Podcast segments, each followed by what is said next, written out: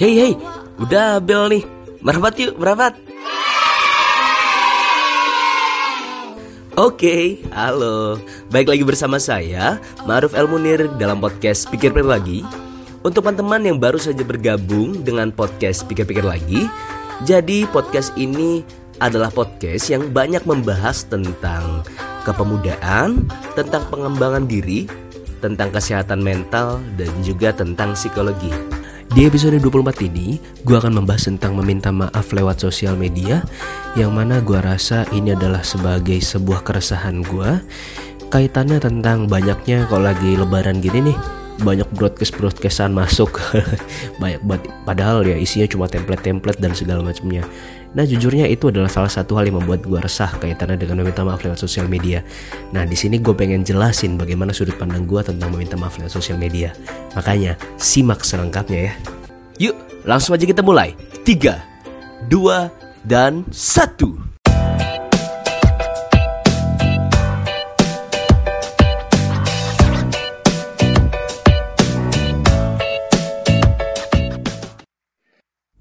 okay, di awal ini gue pengen nanya ke lu semua nih yang dengerin podcast gue, terutama yang dengerin podcast gue nih, ya salah satu mungkin orang-orang yang sangat ini ya dalam arti mau menyempatkan waktunya untuk mendengarkan karena gue share kan ketika lebaran ya.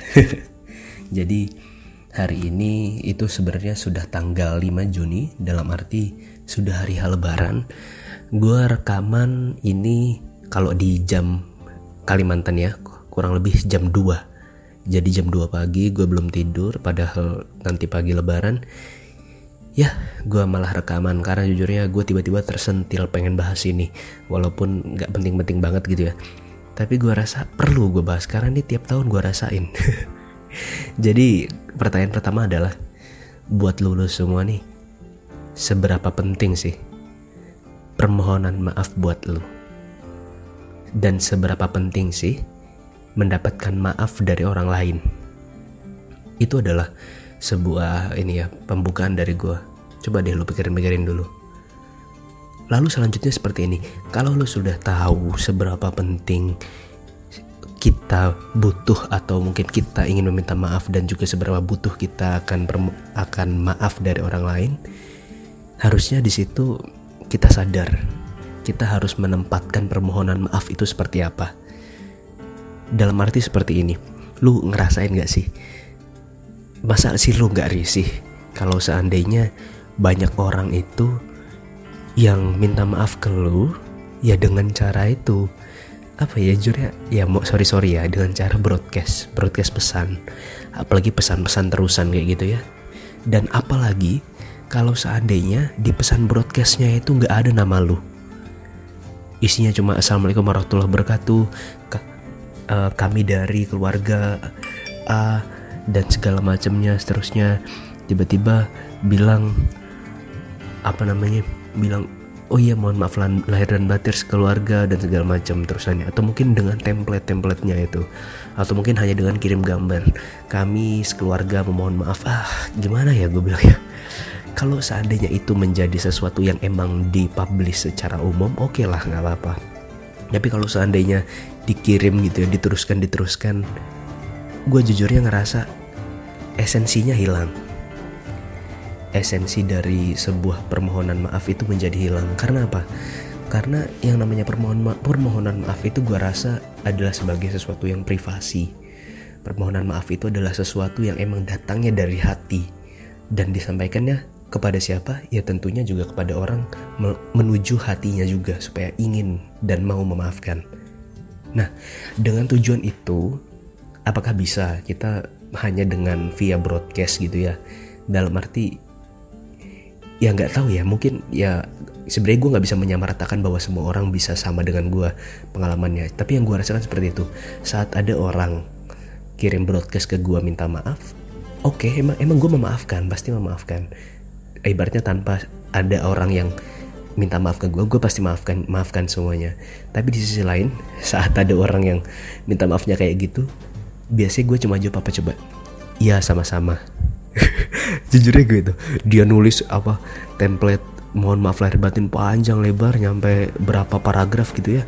nyampe bacanya capek dan gue cuma seringnya jawabnya cuma iya ya sama-sama itu biasanya sambil emot ketawa dan ya ya itulah gue jadi mungkin bahkan nih hari ini kan udah jam apa udah jam 2 tadi.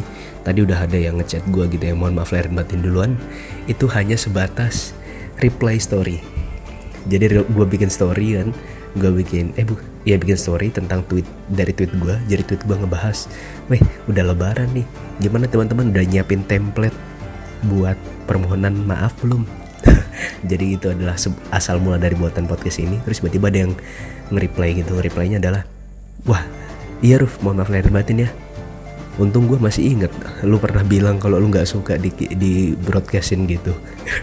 Jadi memang ada orang yang sudah kenal gue beberapa tuh langsung ngechat gue ya Rup mohon maaf lahir batin. Udah sebatas itu gue lebih apa ya lebih terbuka dan lebih senang apa menanggapinya daripada panjang lebar dan segala macam. Isinya padahal hanya pesan terusan.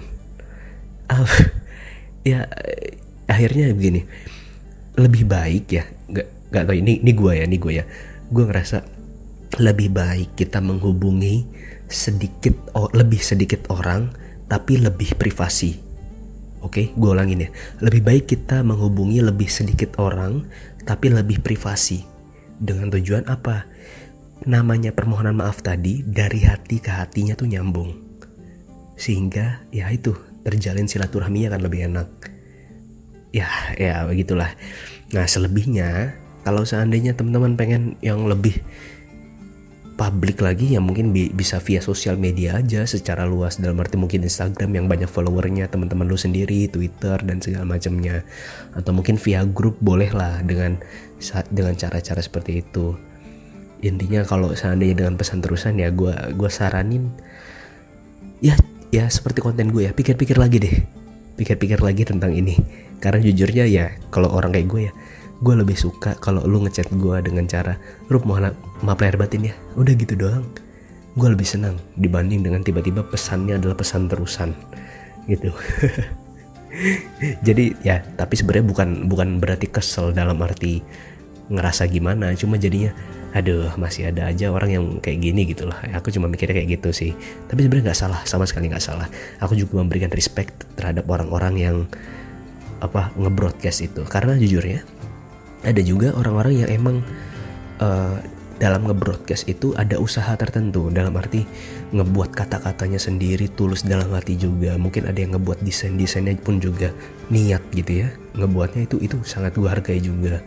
Tapi yang ya tahu sendiri lah. Mungkin kalau yang golongan-golongan di atas kita dalam arti orang-orang tua orang tua kita nah itu kan biasanya banyak banget ya yang ngirim permohonan maaf itu lewat apa coba pesan terusan WA ih ada yang bagus nih kalimatnya. Di copy paste kirim lagi ke temannya.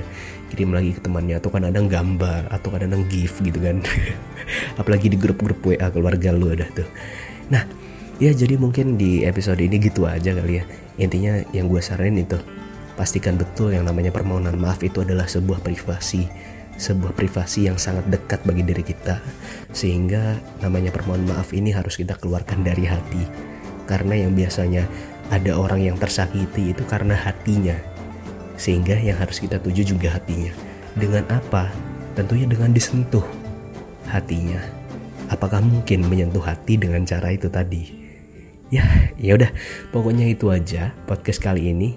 Hanya sekitar 8 menitan gitu ya. Terakhir dari gue tentunya nah ini kalau ini umum ya karena kan gue nggak tahu siapa yang dengerin. Itu buat lo semua yang dengerin gue gue mohon maaf lahir dan batin gue ucapin terima kasih juga buat lo yang udah mau dengerin apalagi yang tadi gue bilang sempet sempetin gitu ya ketika hari hal lebaran. Ya udah itu aja dari saya. Wassalamualaikum warahmatullahi wabarakatuh. Selamat hari raya idul fitri